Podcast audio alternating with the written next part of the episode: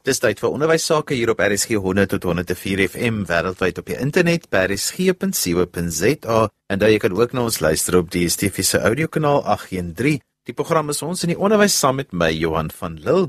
Eerstens wil ek dan vir almal net sê 'n wonderlike 2019. Ek hoop dit is 'n heerlike onderwysjaar en dat al jou drome en ideale hierdie jaar verwesenlik word. Soos tradisioneel en alle tradisie op ons in die onderwys begin ek altyd die jaar met Dr. Janie Leroux Hy is so bekend op ons program. Hy's 'n inspirasieskrywer, inspirasiespreker. Janie, ons is nou aan die begin van 2019. Vir sommige onderwysers is dit natuurlik die begin van hulle loopbaan, baie opwindend. Ander is al reeds ver in op die pad. Baie van die mense is ook hulle laaste onderwysjaar. So, hoe gaan ons hierdie onderwysjaar vir ons onderwysers 'n fokus gee en dat dit 'n wonderlike jaar kan wees wat inspirasie betref? Johan, ek onthou toe jy my genade het dat ons hierdie program weer doen, het jy gevra hoekom onderwysers soos atlete uit die blokke om 2019 een van hulle beste jare ooit te maak en daai frase het in my kop bly vassteek want ek hou van die beeld van 'n atleet wat jy gebruik. Ek reken ons kan fokus op drie belangrike aspekte in hierdie gesprek om vir jou nie net uit die blokke te kom nie, maar dit ook een van ons beste jare te maak. Want dikwels kom atlete uit die blokke, maar hulle kan net nie daai wedloop voltooi nie. Die geheim is om ondanks terugslaande teleurstellings wel by die eindstreep te kom. Ek herinner my aan die werklike verhaal van Bethany Hamilton. Sy het in Hawaii groot geword. En nou, die meeste van ons is ons dink Hawaii is dit daai veelkleurige hemde en branders en dit is ook die plek waar mense so goed kan branderplank ry. En sy's geen uitsondering nie. Teen 7 jarige ouderdom het sy al klaar branders met haar branderplank kon ry, maar toe tref 'n aardige tragedie haar in 2003. 'n Haai het haar linkerarm afgebyt. En soos sy nou 'n herstelproses gegaan het, maak sy toe twee beloftes aan haarself. Die ene is dat sy nie sal kla oor hierdie slegte ding wat gebeur het nie. En die tweede een is om weer terug te klim op haar branderplank. Nou die meeste ander mense sou dink, "Jo, ek gaan nooit weer die see aandurf nie." Maar nie Bethany nie. Na slegs 26 dae was sy terug op haar branderplank. Sy skryf toe in vir kompetisies en is in 'n stadium gereken as een van die top 50 vroue branderplankryers in die wêreld. Daar's ook 'n fliek oor haar lewe gemaak met die titel Soul Surfer. Was sy soms gefrustreerd? Natuurlik. Sy het nog meer as die gewone hindernisse gehad deur sonder 'n arm te leer brandeplank ry en met die bestes mee te ding. Maar sy het geleer om haar vrese te bowe te kom en moeilike situasies te oorkom. Een van die dinge wat haar gehelp het, was haar geloofsvertroue in haar God. Nou hoekom vertel ek hierdie verhaal? Wanneer jy daar in 'n klaskamer of lesinglokaal is of op die oefenveld saam met jong mense of in die laatnag vraestelle nasien, is jy besig met impak in jou eie en ander mense se lewens. En die belangrike ding wat jy in hierdie begin van die jaar moet weet, is jy het 'n keuse hoe jy dit gaan doen, soos Bethany dit ook gedoen het. Jy het 'n keuse om uit te klim en nie weer op jou onderwysbrandeplank te klim nie, of jy het 'n keuse om weer terug te gaan in daai branders in, die beste daarvan te maak en onder die bestes te eindig. Niemand anders kies dit namens jou nie. Dis 100% jou keuse. Janie, jy het gesê dat ons moet fokus op drie belangrike aspekte vir vanjaar en dit ons het aan die einde van verlede jaar ook 'n bietjie gereflekteer op die dinge wat ons in die begin van verlede jaar gegee het. So noem gou weer vir ons daardie drie aspekte en dan gee sommer beurtelings in elkeen aandag want dit is altyd lekker om so fokus vir die jaar te hê.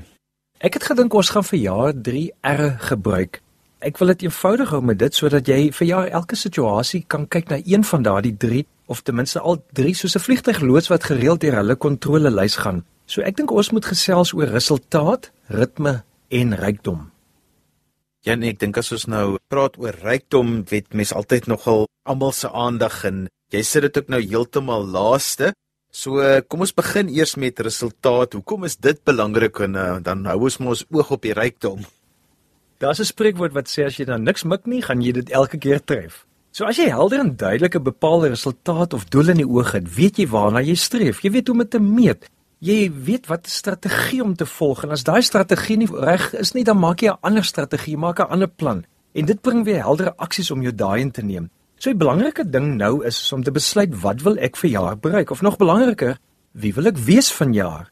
Want dis tog interessant dat die omgekeerde eintlik beter werk en dit is om eers te wees, dan te doen en dan te kry. Ons wil gewoonlik aan die einde begin. Ons wil eers kry en dan dink ons sal ons doen en dan sal ons wees. Maar begin met wees, doen en kry met daardie formule. Die belangrike van 'n resultaat te bepaal is dit gee bepaalde intensie en 'n intensie gee vir jou motivering. Ons het gesels op 'n ander stadium van die navorsing wat wys as jy na 'n gym toe gaan en jy elke slag net jou kaart gaan swipe of deurskuif daarso, op die stadium begin jy selfs gym. So dis daai intensie wat die motivering bring. En ek het vir myself 'n aksioma of 'n sesin wat ek elke jaar vir myself gee. En ek het so 2 jaar terug weggetrek met die ene dis my beste jaar ooit. So as iemand vir my gevra het, "Hoe gaan dit?" sê ek, "Dis my beste jaar ooit." As ek in die diepste van donker kom, dan is dit dis my beste jaar ooit. Maar toe tref 'n sleg ding my, my pa sterf. En ek het gewonder, is dit nog my beste jaar ooit? En toe ek ontdek oorvloed is ook oorvloed van ervarings en emosies. Die gemis is groot, maar sy dood het gekristalliseer wat werklik belangrik is in die lewe. En daardie liefde vir 'n ouer en die liefde van 'n ouer vir 'n kind en die omgee vir mekaar. Ek onthou my onderwysers wat so 'n rol in my lewe gespeel het en wat 'n mens vir mekaar kan beteken. Dis in plaas van 'n negatiewe hoekom het dit gehelp om 'n positiewe een te vra. Hoe kan dit my help om steeds die beste jaar ooit te hê? En dan gaan 'n mens deur al die rouprosesse, jy gaan deur al die seer, maar dis nog steeds jou beste jaar ooit want jy die diepste liefde ervaring gehad wat jy ooit kon hê en dis om iemand lief te hê. So wat is die goeie wat jy uit kan kom is 'n goeie vraag om te vra in Sweets. Want niks is net goed of net sleg nie. Saam met die een is daar ook 'n ander een as jy mooi daarna gaan kyk. Die belangrike wat ons moet onthou is dat die vraag bepaal op die ou en die emosie want ons brein soek mos nou net redes. So as jy 'n negatiewe vraag gee, gaan jy negatiewe antwoorde kry want dis wat jou brein gaan soek. Die vraag is dus dis die beste jaar ooit of dit was my formule? Hoe gaan dit ook in hierdie situasie die beste jaar ooit wees. So die resultaat is geweldig belangrik om te kan sê waar wil ek graag uitkom en veral wanneer jy groei in jou persoonlike karakter, raak dit nog belangriker sodat jy aan die einde van 2019 nie meer dieselfde mense is as in die begin van 2019 nie. Jy kan nog 'n ander ervaring byleer. Jy kan nog 'n ander karaktertrek ontwikkel. Jy kan nog 'n ander deug help groei.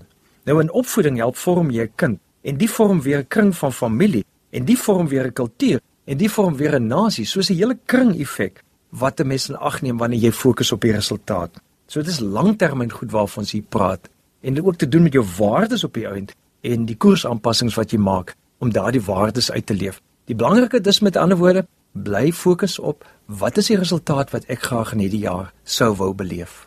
Janie het nou al mooi oor resultaat gepraat. Kom ons praat oor ritme en dan natuurlik die belangrike een om by uit te kom is rykdom. Mens kan ritme op verskillende maniere verstaan soos 'n dansritme of 'n lewensritme, 'n seisoenritme. Wat ek daarmee bedoel is dis 'n herhalende gereelde patroon of beweging. Dis 'n stelsel of struktuur wat jy skep wat by herhaling dan voorkom. En ons het elkeen 'n bepaalde ritme waarmee ons ons dag of maand hanteer. Maar al die ritmes is nie ewe effektief nie. So om jou beste jaar te beleef, moet jy soos 'n atleet 'n goeie ritme hê tussen oefen en herstel. In hulle navorsing wys Tony Schwartz en Jim Loor daarop dat ons nie ons tyd net moet bestuur nie, of net ons tyd moet bestuur, maar veral ook ons energie.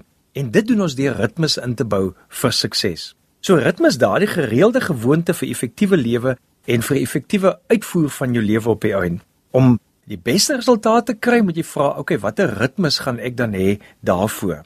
Byvoorbeeld, gestel jy wil vir jaar meer energie hê, dan wys Tony Schwartz en Jim Loor daarop, dan moet jy gaan kyk na jou eetgewoontes. Jy moet jou suikers begin minder maak of uitsny want suikers maak dat daar 'n piek in jou stelsel kom en dan net daarna is die val. Op pad hiernatoe toe ek gery het, het ek net voor dit het ek 'n beskuit geëet en op pad hiernatoe het ek so vaak geraak. En ek besef toe dis nou presies dit wat gebeur het. Ek het iets geëet wat 'n vinnige koolhidraat was en dit het gehelp. So hulle beveel aan dat 'n mens liewers meer eet as deur die dag, kleiner porsies moet eet wat effektief daarvoor ook kan werk.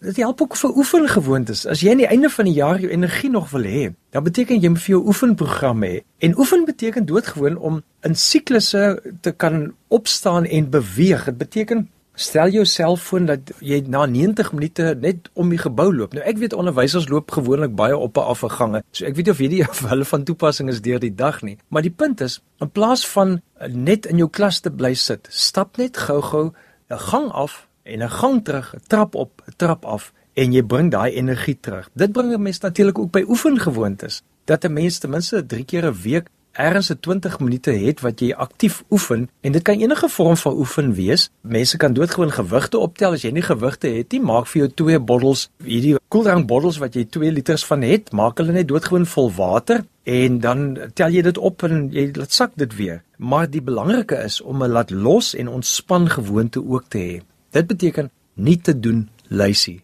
ons te doen lysies raak so groot. Ek onthou een jaar het ek gaan sit wat ek al se jaar moet doen. En toe ek by 70 items kom, toe ek so moeg, toe smyt ek die lys onder in die laai. En Slegs so 2 maande later toe ontdek ek weer die lys en toe kyk ek, toe sien ek ek het al 'n derde daarvan weggewerk, net deur dit te lys. Maar mens moet ook 'n wat moet ek nie doen nie, lys hê op die ou end. Dit beïnvloed jou denkgewoontes. En denkgewoontes is eenvoudige goed. Byvoorbeeld, in plaas daarvan om jouself elke slag te kritiseer, is om te vra vir jouself, wat het ek nou reg gedoen of wat leer ek hier uit?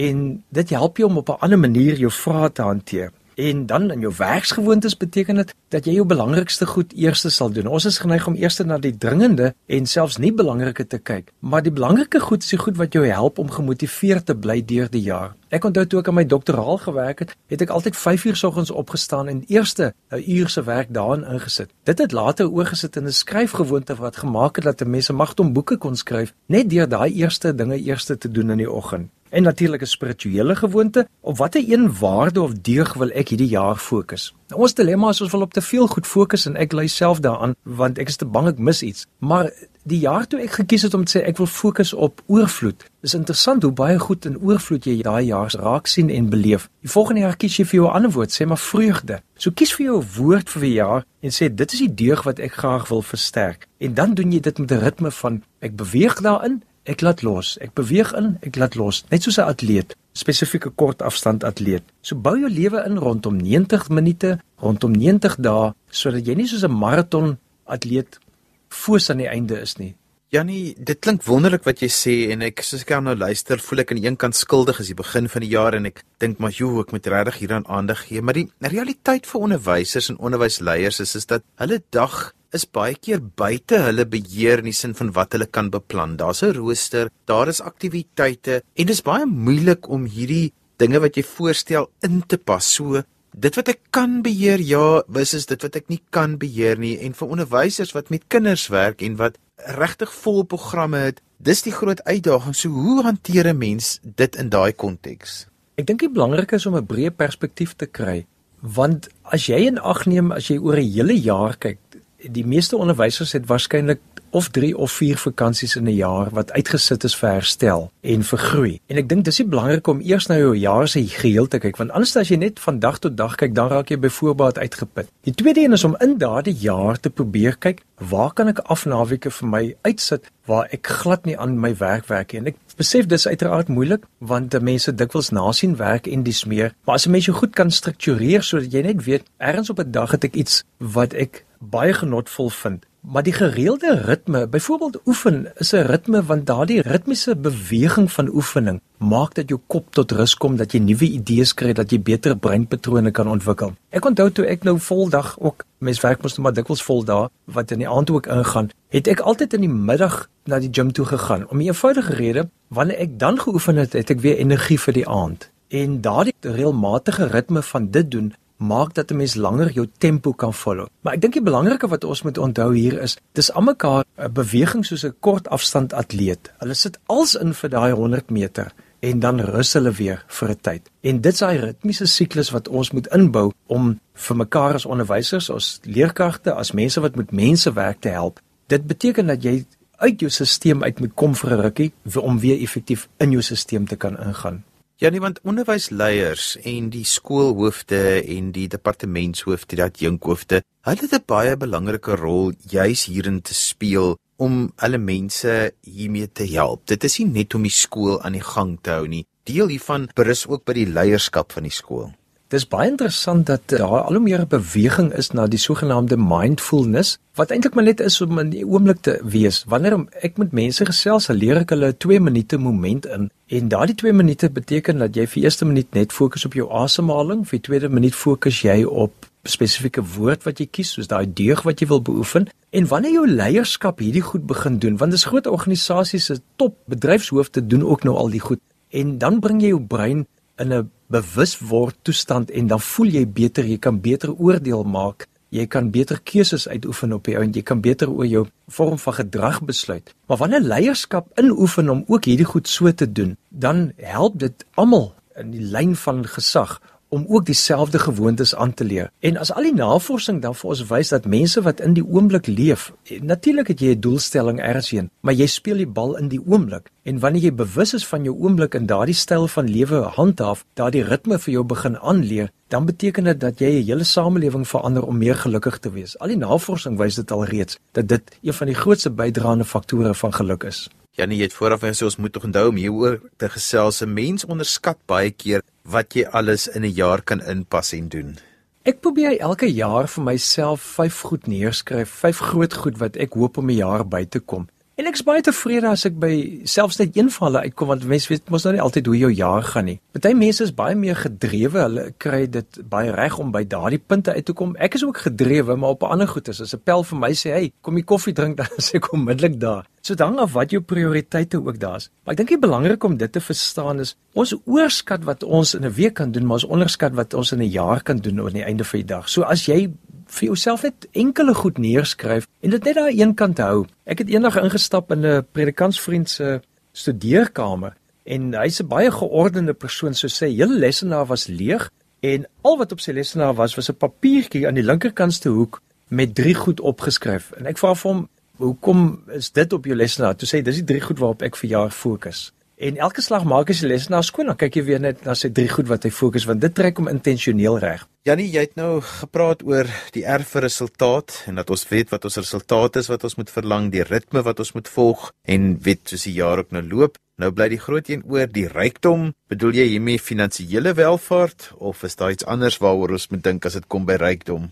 Wat belangrik is is wel ons wil almal graag finansiële goed hê, is die wat die lyne so lank staan wanneer die lotto gespeel word en party mense verdien mos net eenvoudig ontsettend baie, maar rykdom is veel meer as finansies. Ons dilemma is ons meet ons rykdom aan ander se prestasies. Dan dink ons as ons net dit of dat bereik, dan sal ek. Maar almal kan dink oor 'n tyd waarin jy intens iets begeer het, gedroom het as ek dit sal hê, gaan ek gelukkig wees. Miskien 'n ander motor of dalk 'n belangriker pos by die werk of 'n ander huis of selfs 'n ander man of vrou. Maar as jy dit dan kry, is jy ook nie noodwendig of langer gelukkig nie. So hierdie verskynsel word die sogenaamde hedoniese trapmeule of terwyl die hedoniese aanpassing genoem. Nou dis 'n teorie wat beweer dat 'n mens terugkeer na jou vlak van geluk ongeag wat met jou gebeur om jou gelukkiger of ongelukkiger te maak. Nou gelukkig wys navorsing dat ons kan aanleer om gelukkiger te wees en dan meer innerlike rykdom kan ervaar. Jou vlak van geluk kan aangeleer word om meer gelukkig te wees in watter situasie jy jou ook al bevind. Ek kon onthou nogal die aanhaling van Charles Spurgeon. Hy was 'n bekende prediker wat gesê het, "It's not how much we have, but how much we enjoy that makes happiness. 'n Ander vriend het gesê dis om te wil hê wat jy het,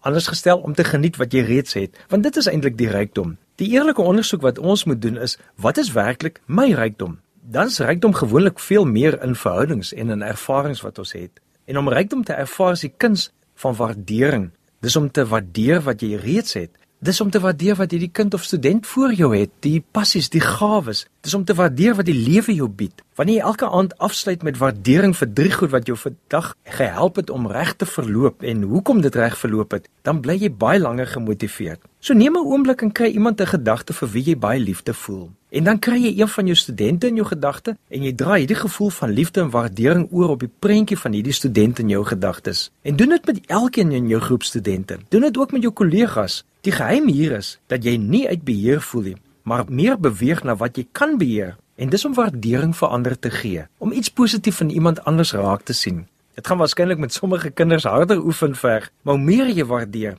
hoe meer jy jou innerlike rykdom vergroot. Dit gaan jou houding, jou gedrag, dit gaan jou menswees beïnvloed en alle mense gaan dit aanvoel. En interessant, hoe meer mense in hierdie sone van oorvloed inbeweeg, hoe meer kom daar ander tipes rykdom ook na jou kant toe, soos geleenthede wat vir jou oopgaan, soos deure wat vir jou oopgaan, soos paaie wat vir jou geskep word. En as ons dan nou hierdie drie aspekte neem van resultaat en ritme en die rykdom wat daarmee saamgaan, dan glo ek gaan jy 'n fantastiese 2019 beleef. Ja, net so 'n laaste gedagte dan om op te som, wat is ons inspirasies vir onderwysers en skoolhoofde, adjunkhoofde en almal wat in die professie van onderwys staan hierdie jaar? Leef met 'n leefgesegde waarop jy die resultaat, ritme en rykdom kan fokus. Iets soos van jaar is my beste jaar ooit of wat jou nou ook al kan wees. En met hierdie intensie gaan jy jou resultaat, ritme en rykdom soek en jy gaan dit vind. Wel, ek gaan nou hierdie jaar begin my sinne met hierdie is my beste jaar ooit en kyk of dit werk, Janie. Janie, as mense met jou wil verder gesels, ek weet jy het ook 'n inspirasieblok waar mense dan weer aan die belangrike goed herinner kan word soos die jaar aangaan en 'n mens begin moer raak. Gee gou vir ons daardie details. Jy kan gaan kyk by www.janileroux.co.za. janileroux.co.za. En so gesels Dr. Janie Leroux en daarmee het ons gekom aan die einde van vandag se ons in die onderwys. Onthou jy kan weer na vandag se program luister as 'n potgooi. Laat dit af by resgep.co.za. daarmee groet ek dan vir vandag tot volgende week van my Johan van Lille. Totsiens.